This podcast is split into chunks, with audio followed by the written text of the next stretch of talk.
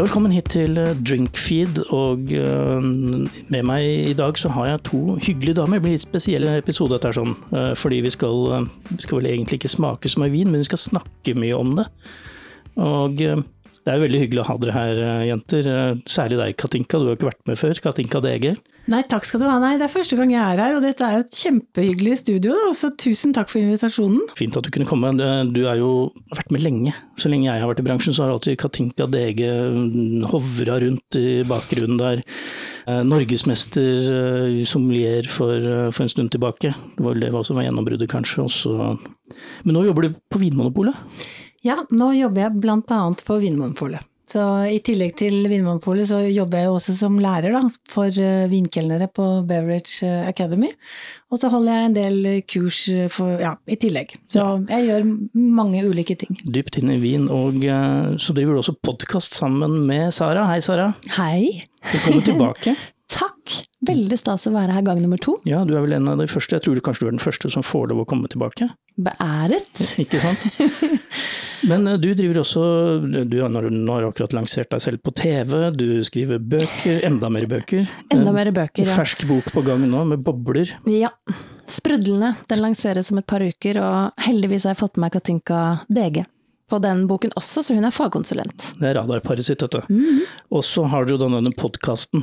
Ja. Hvordan har det vært? Hvordan det har vært og er. Og Jeg kan er. svare for meg selv, da. Jeg elsker jo å holde på med det. Det er den minst innbringende jobben jeg noen gang har hatt, men fy søren så gøy det er. Og vi har vel tatt en fot i bakken ganske mange ganger om eh, skal vi fortsette med dette, Katinka. Det tar mye tid, det er lite, lite penger å hente der, men alltid kommer vi frem til at klart vi skal det, for det er så gøy. Vi må jo det. det, er, det. Vi tre som sitter her nå, vi, vi har jo en liten sånn, et lite hjerte for dette med å formidle eh, kunnskap og glede er om vin. akkurat det.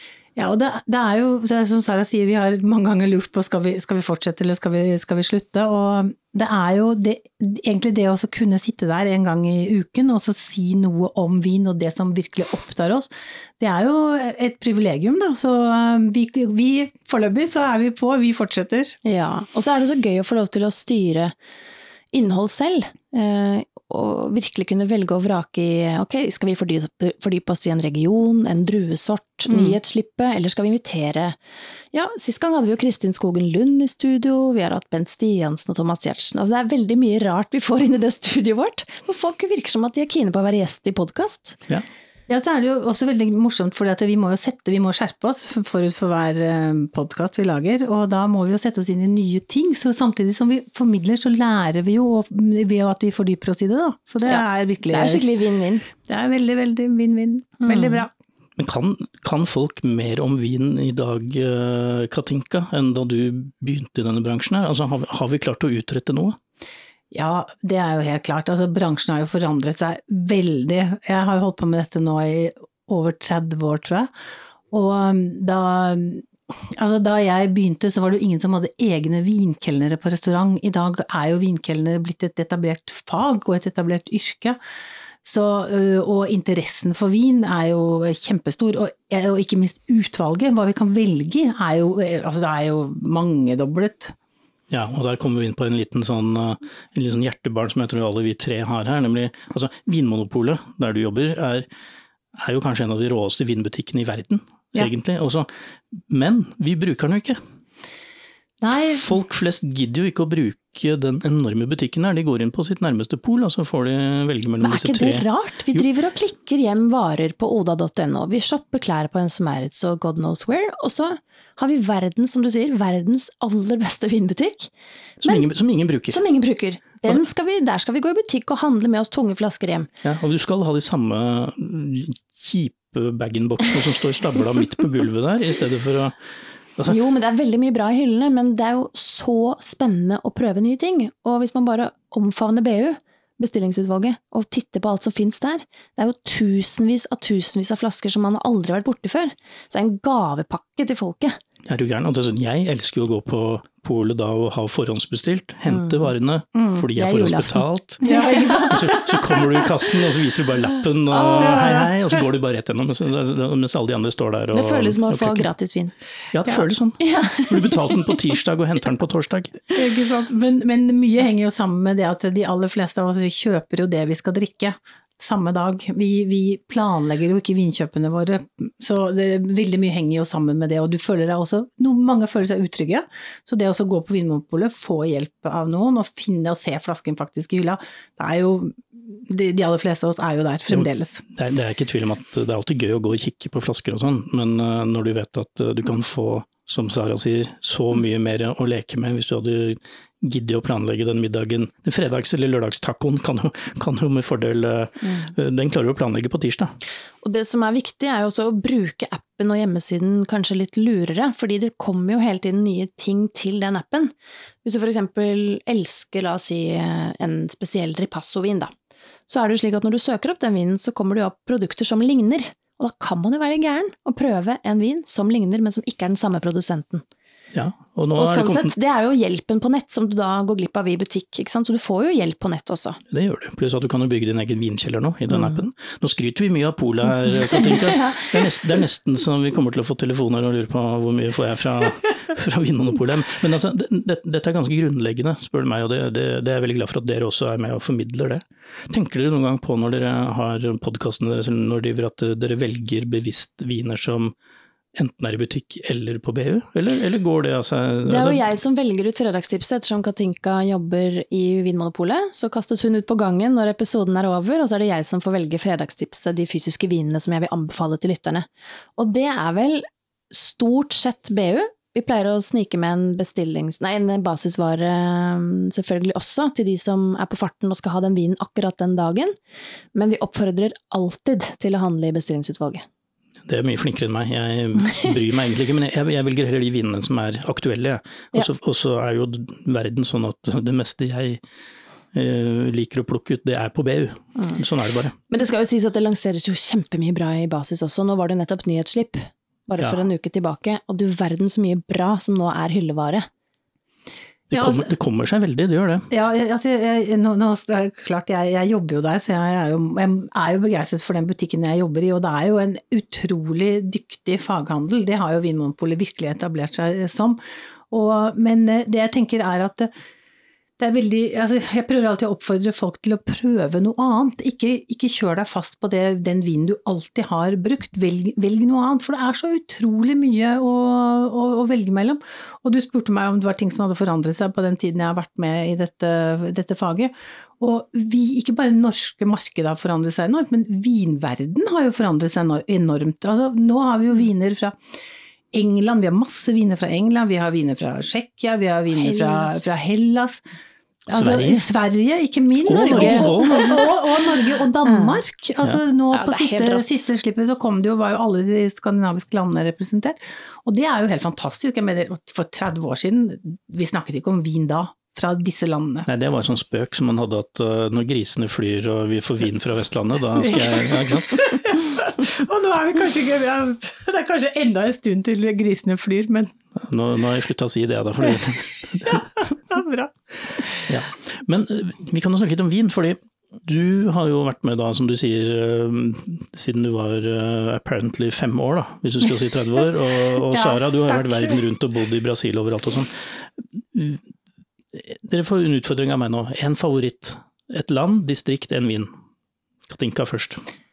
Åh, jeg hater det spørsmålet, for det er så innmari mye å velge mellom. Men hvis jeg skal si en favoritt jeg er veldig begeistret for Pinot Noir. Ja, det er kult. Ja. ja og jeg eh, altså selvfølgelig, altså min bakgrunn når, da jeg lærte om vin, så var jo Frankrike det vinlandet som på en måte eksisterte. De andre landene var veldig mye mindre viktige. Eh, og det er jo selvfølgelig Bourgogne som er eh, ja, favoritten, men jeg må si Australia. Kjempespennende. USA Kjempespennende. Det var én favoritt, skal jeg tenke. Ja, men jeg sa jo det var vanskelig.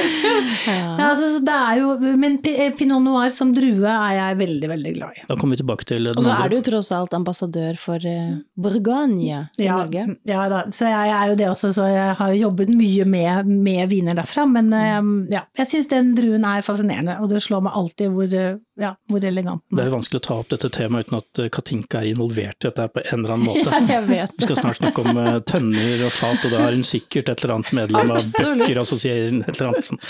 Nei, ok. eh, Sara, samme spørsmål. Du fikk ikke lov å si champagne. Jeg vet det. Jeg skulle til å si at nå kan jeg ikke si det samme som sist, for da svarte jeg jo champagne. Ja, og nå har Og jeg skal endret- ikke være har- så kjedelig at jeg sier ja, men da velger jeg de samme druene bare fra England. Nå skal jeg være litt crazy. Jeg drakk nemlig en fabelaktig vin her i helgen. Ikke det- si russisk museene nå. Jeg lover, jeg skal ikke si det. Nei, jeg sier Hellas. Jeg er så begeistret for Hellas for tiden, både på rødt og på hvitt. Eh, Asyrtiko eh, er en fantastisk drue, syns jeg. Santorini lager noen magiske versjoner av den. Og Sinomavro-druen, den røde. Så jeg er litt sånn nyfrelst på Hellas og prøver mye. Og blir aldri skuffet, i hvert fall ikke hittil. Og det har også litt med å gjøre at Vinmonopolet er det det er, da. Som har muligheten til å ta inn så mye spennende og bra.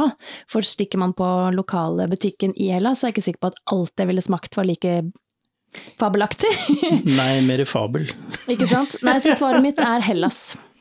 Svaret er Hellas. Mm For der kommer vi i en sånn eh, Neste oppfølgingsspørsmål er jo det Hva vil du si da, Tom? jeg Ja.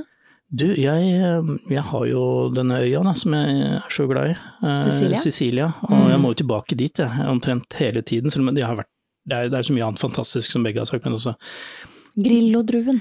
Grillo, Pericone, Sibibbo, alle disse druene. Og de glemte druene, de som, Mm, liksom, de som mm. har gått litt ned i historiens mørke og som blir henta fram igjen. Og det, det har jeg så stor fascinasjon for, øh, fordi jeg har touch av historieinteresse også. Mm. Og når, øh, når øh, våre venner i Planeta-gruppen øh, starter opp en vingård for å dyrke opp igjen druene fra Mamertino, som Julius Cæsar var så fornøyd med, fra den samme vingården som ble dyrka for 2000 år siden, da får jeg, sånn, jeg får litt sånn ståpels Ja. når jeg tenker på det. Ja. Det er kult. Ja, det er det jeg liker. Veldig, veldig. Og oppfølgingsspørsmålet mitt er nemlig det at disse favorittvinene, eh, er, smaker de bedre der eller her? Jeg har aldri drukket gresk vin i Hellas, jeg. Har Så du, vært, du har vært i Hellas? Jeg har vært i Hellas, Ja. men det er lenge siden. Og da fikk vi noe grusom retzina eller noe sånt, så det, det Ja, bet jeg meg ikke aldri, ikke det må du aldri drikke. Nei, Nei. det er så lenge siden jeg var i Hellas. Nei, så svaret på det er, for meg er jo at eh, det kan godt hende at det smaker enda bedre der, men det smaker søren meg godt med gresk vin i Norge, altså. Men jeg kan tenke at du var jo smart og valgte Frankrike, der, der går det an å dra til. Ja, Frankrike kan man dra til. Og, eh, ja, nei, eh, nei, egentlig ikke. Det, du, hvorfor skulle det egentlig smake bedre der? Altså selvfølgelig, Du kan jo skape stemninger eh, hjemme i din egen stue eller på restaurant, som, så du behøver ikke nødvendigvis reise på stedet. Du kan reise med flasken din og minnene dine. Og, Men det er jo det jeg syns er så gøy. Jeg syns jo vin er litt sånn flaskepost, og særlig i korona hvor vi har vært stuck, så reiser man i vinen. Og det er fantastisk. Ja, det er er det- ingen andre drikker man kan gjøre det med. Nei, men Det er jo derfor vin er så veldig interessant. fordi at eh, du ikke bare har altså du har jo, Ja, du har den drikken foran deg i, i glasset, men du har jo historie, du Mm. har kultur, du har geografi, du har whatever. Og det å kunne få lov til å fordype seg i det, og så ah, senere også kunne fortelle om det, det er jo helt fantastisk. Ja, det er jo en gavepakke, nærmest. Ikke sant? Ja, I en liten flaske. I en liten flaske. Grunnen til at jeg spurte var fordi veldig mange har jo opplevd det at de faktisk har vært da på sydentur. Mm. Og så satt de på denne lille fortausrestauranten kanskje nede ved havnen og fikk noe, i ditt tilfelle kanskje en souvlaki, og så kom det noe, kom noe gøyal eh, vin som hadde, hadde en helt sånn perfekt timing til akkurat det man gjorde. Det lukter sjø, og det lukter pinjeskog, og det lukter ditt og datt. Og så har du denne stemningen, og så kjøpte du med deg et par-tre flasker hjem, og så smakte det faktisk litt sånn eh, Det smakte i hvert fall ikke det samme Nei. av den vinen. Og da, derfor spørsmålet smaker det bedre der enn her. Jeg tror ikke det finnes et ent, entydig svar på det. Jeg tror det er eh, Jeg tror, jeg tror verken ja eller, eller nei. I enkelte tilfeller ja, selvfølgelig, men i andre tilfeller nei, ikke nødvendigvis. Ja, det er nok veldig, det kommer veldig an på vinen, tenker jeg. Men, ja. Og men, selskapet eh, ditt. Selskapet ja, ditt Men og- husker da jeg jobbet på vingård i Sør-Afrika. Så lagde vi vi jobbet på en kjempekommersiell vingård. Kastet oppi eikechips og bentonitt, og vi holdt på. Det var ordentlig fæle greier, altså. Men den gangen vi da eh, fikk smake på vinen første gang der nede, så var jeg så stolt, for det var den første vinen jeg hadde vært med å lage, og jeg syntes det var rågodt. Og så kry. Så kommer jeg hjem, så blir den sluppet på polet et års tid senere, og vi kjøper den med oss i sikkert en kasse i hvert fall. Vi tenkte denne har vi vært med å lage, det er dødsgøy å vise frem. Det er det verste skvip jeg har vært borti. Så der har du det. Bare andre veien. Altså, det var Ja, jeg turte ikke engang å fortelle at jeg hadde vært med å lage den vinen. Det var rett og Det har du aldri fortalt Nei, meg! det er mye jeg ikke har fortalt.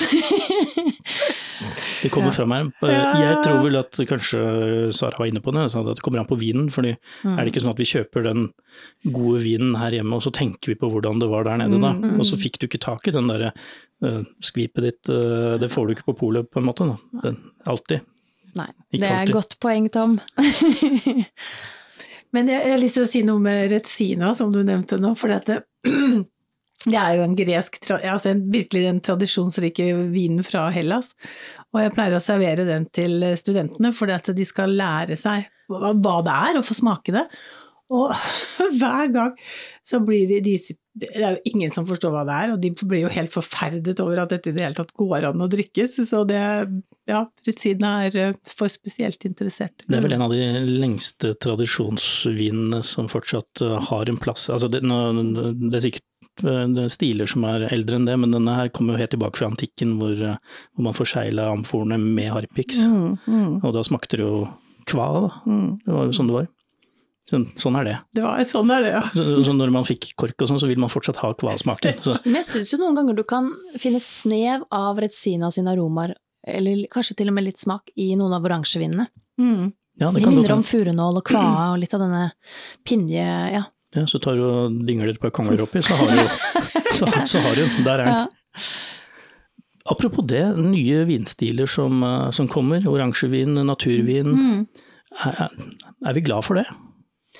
Ja, det tror jeg. Eh, Jeg tror, eh, og jeg opplever at folk er nysgjerrig på hva det er. Og eh, folk som man Eller ja, det er kunder som kommer og spør etter det, som jeg tenker aldri ville kjøpe det. Og som, det er jo noen av disse vinene som er litt dyre. Og de Nei, dette skal jeg prøve, dette har jeg hørt om, dette er morsomt. Så jeg opplever at det, folk er interessert. Mm. Men det krever jo litt mer av den som drikker, og ofte, da. Selvfølgelig, det krever Jeg prøver alltid å forklare at vær så snill, ikke forvent at du skal få en vanlig vin, for det gjør du ikke. Dette er annerledes. Her er det den og den type aromaer eller smak. Slik at man ikke skal bli synes det er Ja. Men jeg tror dette går veldig sånn hånd i hånd med at nettopp nordmenn nå ønsker å lære seg mer om vin, mer enn før. Og folk, det er jo mye flere søkere på vinkelderutdannelser. Vinbøker selger bedre, podkaster om vin popper opp. Det er en større interesse, og vi har hatt tid nå i halvannet år i en pandemi til å virkelig fordype oss i noe hjemme. Og også mat og vin i kombinasjon. Så jeg tror det henger veldig sammen, at folk da blir mer åpne. Og det er jo fantastisk, for da går vi jo i riktig retning, også med tanke på bestillingsutvalget. Vårt elskede BU. Ja, vi må tilbake dit hele tiden. Men jeg tenker, eh, disse nye stilartene, det er jo ikke så lenge siden eh, de første biodynamiske vinene begynte å komme. Eh, som var kanskje i, i løypa rett foran oransjevinbiten. Og da, da, da var det mange som ikke forsto det. Luktet jo fjøs og alt mulig rart som det ikke skulle lukte av vin vanligvis. Er disse, disse vinstilene, får de egne tilhengerskarer? Blir det sånne, ikke kulter akkurat, men altså er, det, er det egne grupper som sverger til det? Er det hipt, liksom? Hvis jeg skal svare for meg selv, så tenk, tenker jeg nok at naturvin og oransjevin var en sånn, hadde en sånn hipster, eller hang på en sånn hipsterknagg, kanskje et års tid tilbake. Jeg opplever at det er mye mer allemannseie nå, jeg. Og også som du sier, Katinka, at vann i gata kommer jo inn på Vinmonopolet og spør eh, skal han Mm. oransjevin, og du ville tenkt at han skulle ha en ripasso på bag-in-box, eksempel. Folk er mer nysgjerrig. Og det husker jeg vi også snakket med med Lise fra Sayas vinbar om, som er naturvinguruen i Norge. Hun sier akkurat det samme, at dette her beveger seg nå fra å være en sånn hipstertrend til å bli noe mye større. Og det tenker jeg er veldig bra. Ja, og der er jo altså vinbarene i de store byene har jo også bidratt veldig til å gjøre dette mer tilgjengelig for folk, Mm. da. Altså, du, behøver, du behøver ikke kjøpe en flaske, du kan kjøpe et glass, du kan smake, og, så kan du, og, og innenfor disse kategoriene, eh, både biodynamisk og økologisk og oransjevin og eh, vin fra altså kvev, kveveriviner, er jo Du finner jo alle sjangerne. Altså noe, du finner noe de helt ekstreme, men så finner du også de som er mye mer lik konvensjonelle Nettopp. viner. Så, det er ikke bare, så du kan på en måte velge, da. Du kan Ja. jo begynne med noe snilt, og så kan du jo utvikle Ja, for alt må ikke være mousy og crazy og luktefjøs, som du sier. Veldig mye av det er jo ja, rene, lekre, sunne, friske, gode viner. Ja, da slo vi plutselig slag for, eh, for den trenden også. Det er fordi tanken er jo, eller sånn som i hodet mitt, så er jo ofte de som kjøper det, har jo mye flanell og skjegg og sixpence, og burde, og burde egentlig holdt seg til IPA-en sin uh, det er skikkelig. Skikkelig Ja, jeg, jeg, jeg ville vært enig med deg. Hvis det var for et år siden, så ville jeg sittet og nikket og sagt ja, det der er noe ordentlig hipstergreier. Og jeg syns det er keiserens nye klær, og jeg er ikke så fan. Men jeg må innrømme at jeg har forandret mening, for jeg syns det er så mye bra vin nå som ikke er sært. Ja, men Så bra, men da, da syns jeg vi skal prøve det neste gang. Når Katinka ikke er med, skal vi prøve å smake på en sånn vin, da. Ja, men jeg har bare lyst til å si en ting, at um, det er jo blitt, og, si, det skrives jo også mye mer om disse, eh, om disse vintypene, og med at folk skjønner mer hva det er, så er det jo flere som også har lyst til å prøve det. Så det, det henger jo litt sammen med det at det, det på en måte blir lettere tilgjengelig for folk, da. Ja, fordi altså, nå flåsa jeg sikkert litt i stad, men det er jo god vin. Altså, dette er jo gode produkter, Ja, ja. og det er jo eh, mye av det. Men det fins et annet spørsmål med det. Går tilbake til, til dette med disse naturlige vindene. Er, eh, er det sånn at eh, vi går i sirkel her? Mm. Sånn som vi snakker om eh, noen av de eldste vindproduserende landene i verden, Georgia f.eks., som har disse leirbøttene som er gravd ned i bakken, og der lager de vin sånn som de gjorde for 8000 år siden. Og nå er det blitt dratt fram som en sånn stor greie, men, men alt den utviklingen som har vært imellom der, skal, skal vi Mm. bare glemme den da? Skal vi gå tilbake til steinalderen og eller bronsealderen i det tilfellet her, da, og så lage vin som man drakk til den gangen, og så tror vi at det var så mye bedre den gangen? Ja, hva skal man svare på det? Altså, det var jo klart, for 8000 år siden så så jo verden veldig annerledes ut. Og i dag så kan man jo benytte en del av de samme teknikkene, men samtidig dra også nytte av alt det som de har lært i mellomtiden. Så det blir jo ikke helt back to scratch heller. Men eh, det er jo klart, og det, men alt går jo, alt går jo rundt. Altså, se på Hellas, du, du nevnte Georgia. Eh, Hellas også, hva hadde ikke vinverden vært uten, uten Hellas? Men så har jo Hellas sovet i mange tusen år, og nå er de på banen igjen, så Ja. Men sånn er jo livet. Og sånn, er jo ja, alt. Sånn er alt. Alt fra bøker til filmer til musikk Mm. til eh, kunst og til vin. Og alt mulig annet. Det, alt går i bølger, det er sykluser. Jeg tenker det er fint, jeg. Og noen sykluser er litt lengre enn andre. ja. Jeg lurer på hva som blir en, eh, en ny trend som vi bare ikke aner enda. Vi Det var det jeg skulle spørre om, for Mm. nå, nå ble vi veldig sånn filosofiske her. Men nå kan vi, skal vi prøve å se inn i krystallkula, og kanskje ikke så langt fram, da. Så, Mm. Ikke så mange hundre årene fram, men hva, hva tenker vi? Hvor, hvilken retning går vinkonsumet? Det er et spennende spørsmål. Mm. Jeg ønsker meg en sånn krystallkule, jeg. Ja, det hadde vært det er alltid fint å ha. Um, Kanskje det er på Nille? Garantert. Nei, men hmm, er, Jeg tenker ofte på dette her, jeg. Hva er neste vintrend? Og kunne man svare på det, så hadde det vært eh, Da tror jeg jeg hadde blitt rik. ja. Men eh, hva tenker du, Katinka? Er det noen land vi ikke har sett i det hele tatt? Altså, hva med, hva med Skottland? Det er et land jeg liksom aldri har forbundet med vin. Altså, jeg har tenkt så mye på Skottland. Det er jo fantastisk mye whisky der. Og klimaet er jo ikke så annerledes enn fra England. Og jeg tenker jo disse kjølige landene i nord, før eller siden, nå som vi til og med lager forholdsvis Mm. ok vin i Norge og i Sverige og i Danmark, så må det jo skje ting der òg, tenker jeg. Ja, jeg vet ikke. Skotsk og irsk uh, chardonnay. Eh, Gudene veit. Nei øh, Ja, hvem, vet det? Jeg men, føler men kanskje vil ikke det bare bli litt mer kuriosa? En ting er Sør-England, som tross alt dyrket vin. eh, Ja, Romerne hadde jo med seg vin det. eh, for Mm. 2000 år siden, og hadde jo et etablert eh, håper jeg, hadde et terroir allerede den gangen. Ja. Eh, det Hva tenker dere om. Russland, da? Se det arealet for dere. Det er jo det største landet på planeten Jorden. Altså, Ja, men et tenk så mye vindruer det er plass til der, da. Ja, men, men det er jo Altså ja, det er, det er et svært land, men det er jo visse ting som må til. Altså du må på en måte ha en uh, ramme rundt uh, Jo, jo, jo, så klart, men tenk deg alle klimasonene. Der er det jo ganske Ja, stort absolutt. spekter, da. Absolutt. Jo, men det handler, det handler, også om uh, å etablere en industri som, som fungerer, mm, med, et, ja, med et økonomisk grunnlag som er der. Mm. Og så lenge de er 100% proteksjonistiske og skal lage vin til seg selv om flyve, vi snakket om flyvende griser.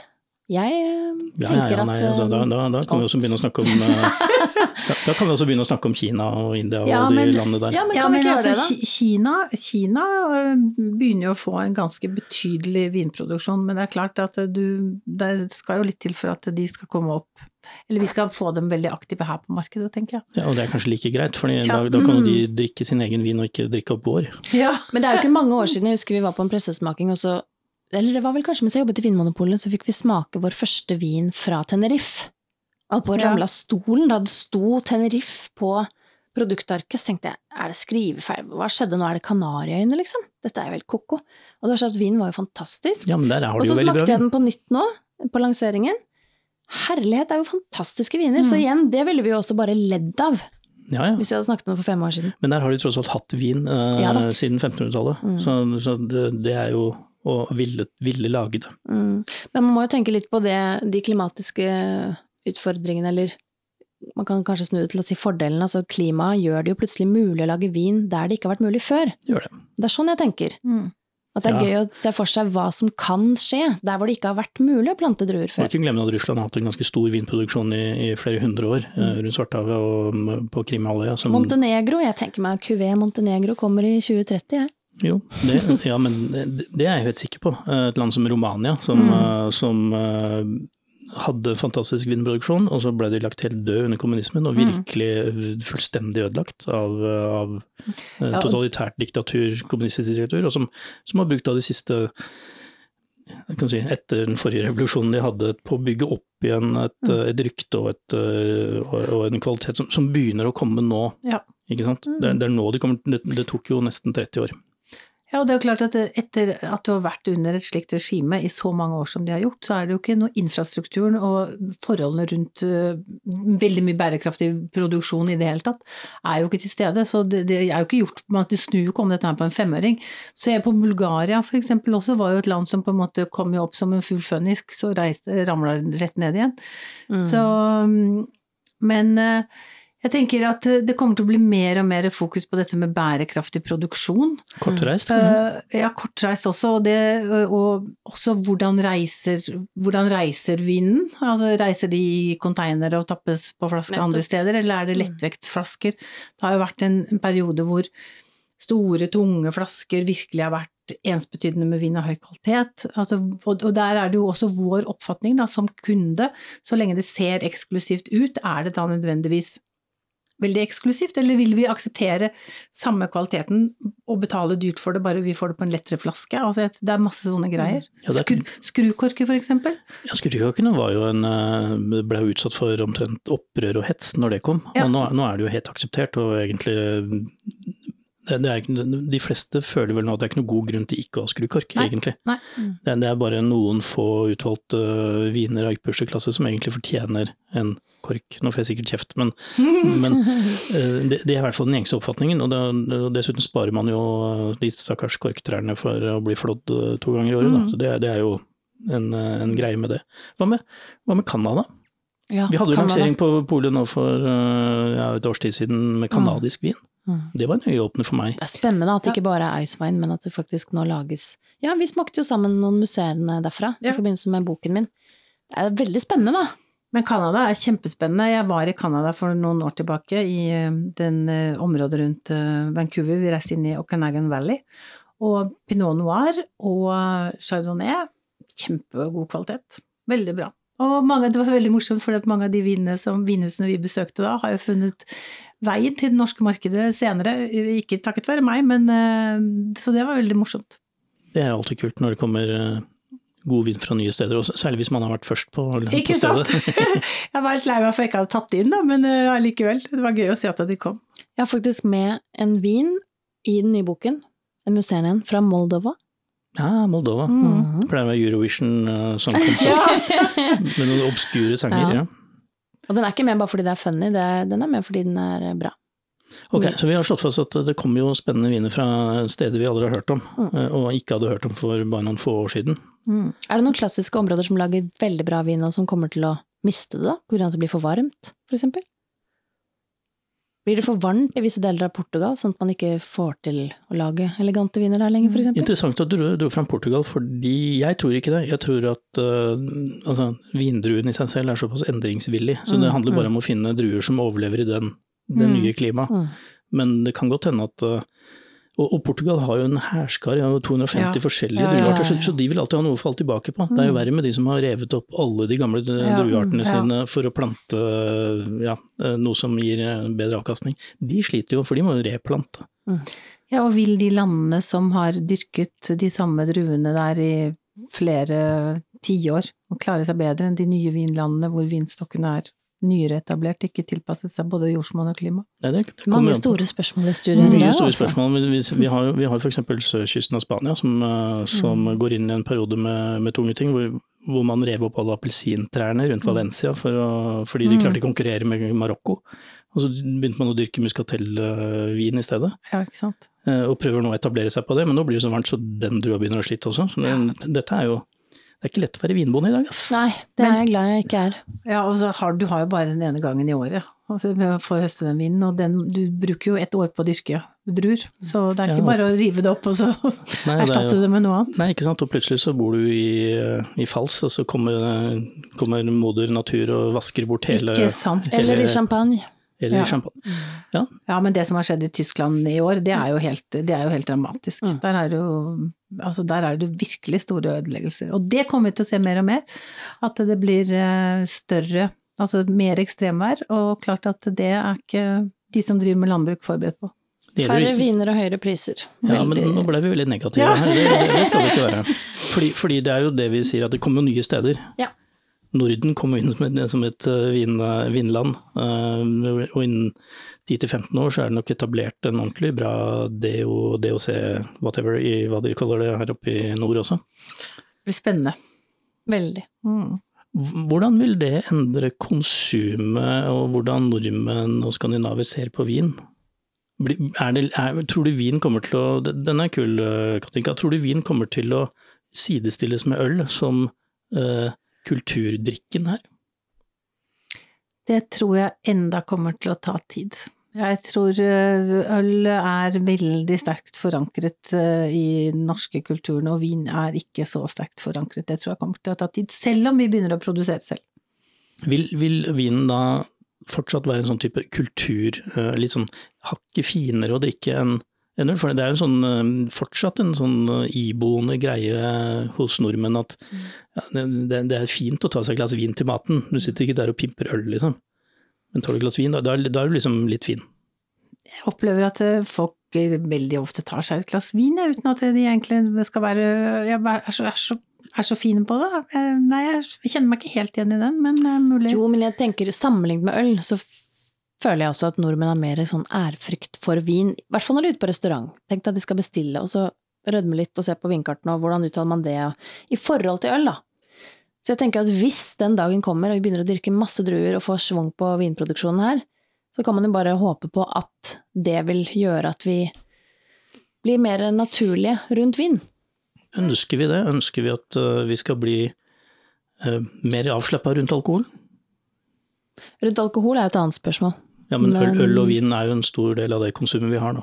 Hvis vi holder blankt og brunt brennevin unna, så, så, så drikker vi jo stort sett øl og vin.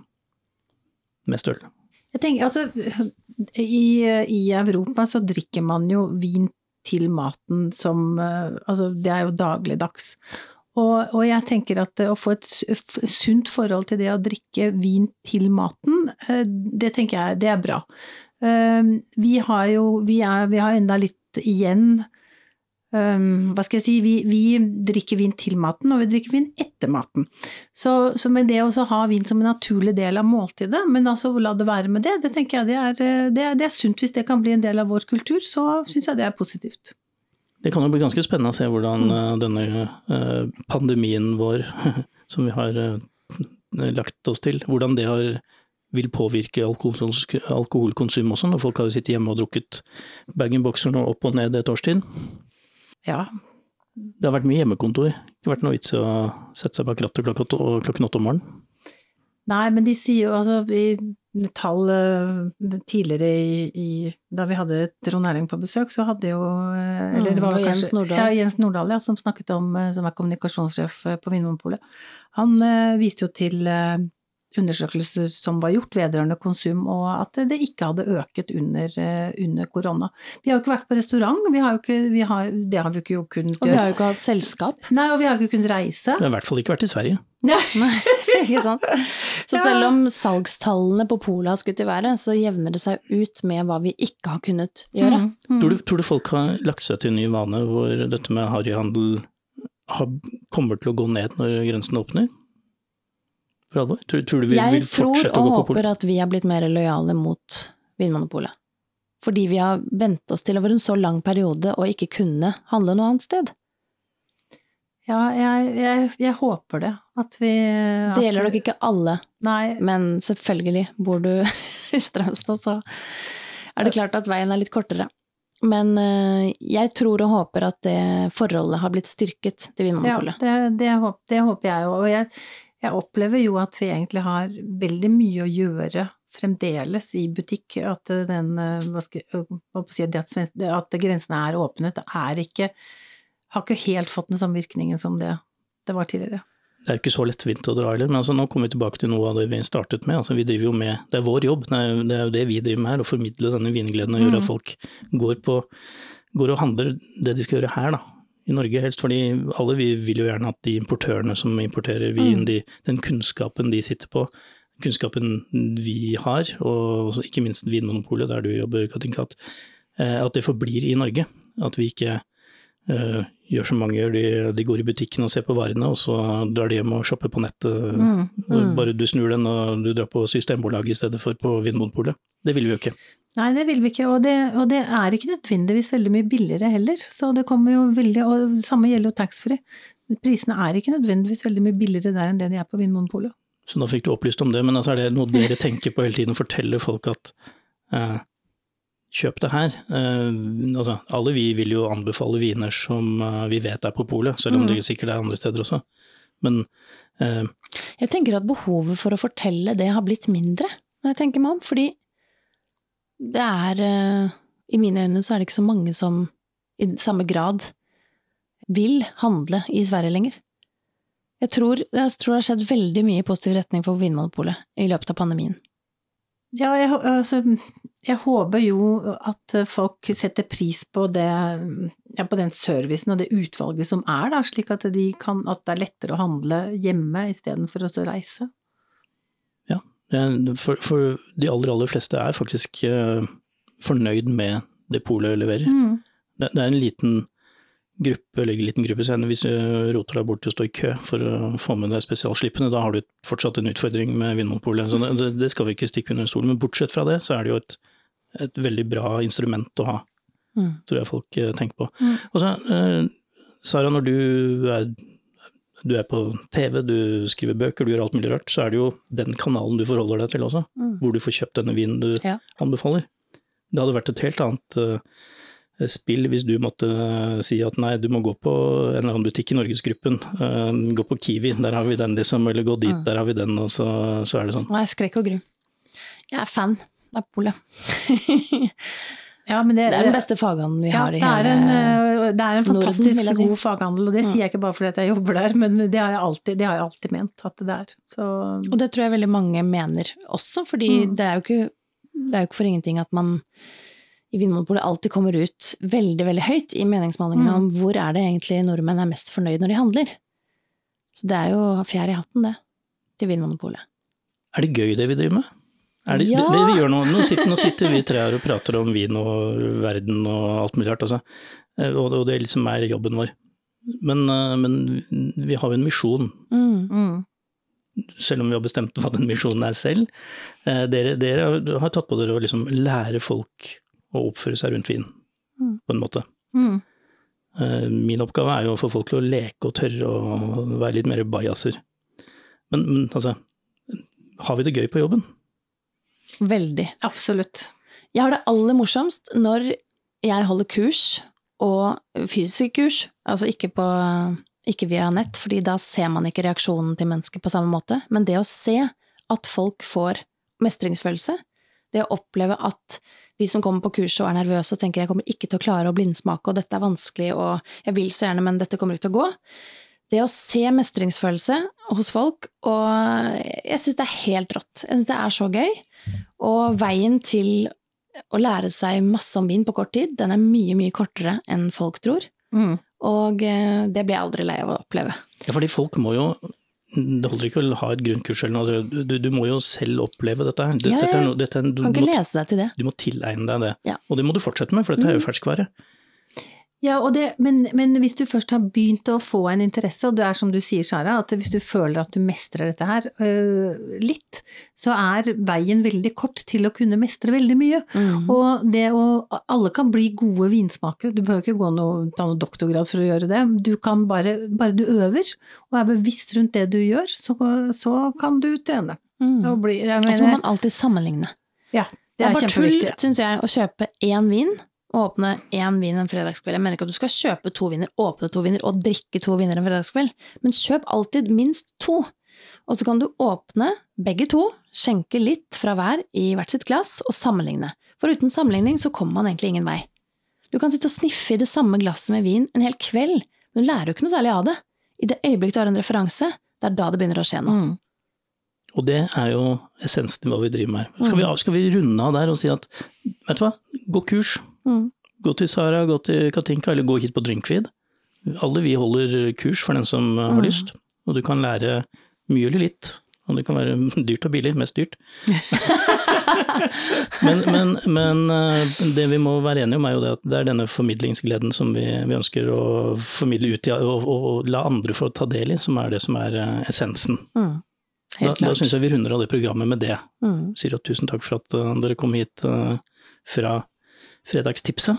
Takk. Det må- det Veldig stas å være gjest her igjen, Tom. Det må dere høre på, dere der ute. Dere må logge inn på Fredagstipset. Etter at dere har hørt på Drinkfood, så kan dere gå dit. Da har du to gode, to gode kanaler. Ja, jo, men helt, helt sant. Man skal ha, som du sier, noe å sammenligne med. Ja. Så får de den eh, skoleflinke eh, ordentlige hos dere, og så kan, de, kan dere leke litt hos meg. Det høres ut som en god idé. God kombo. Tusen takk, Tom. Tusen takk.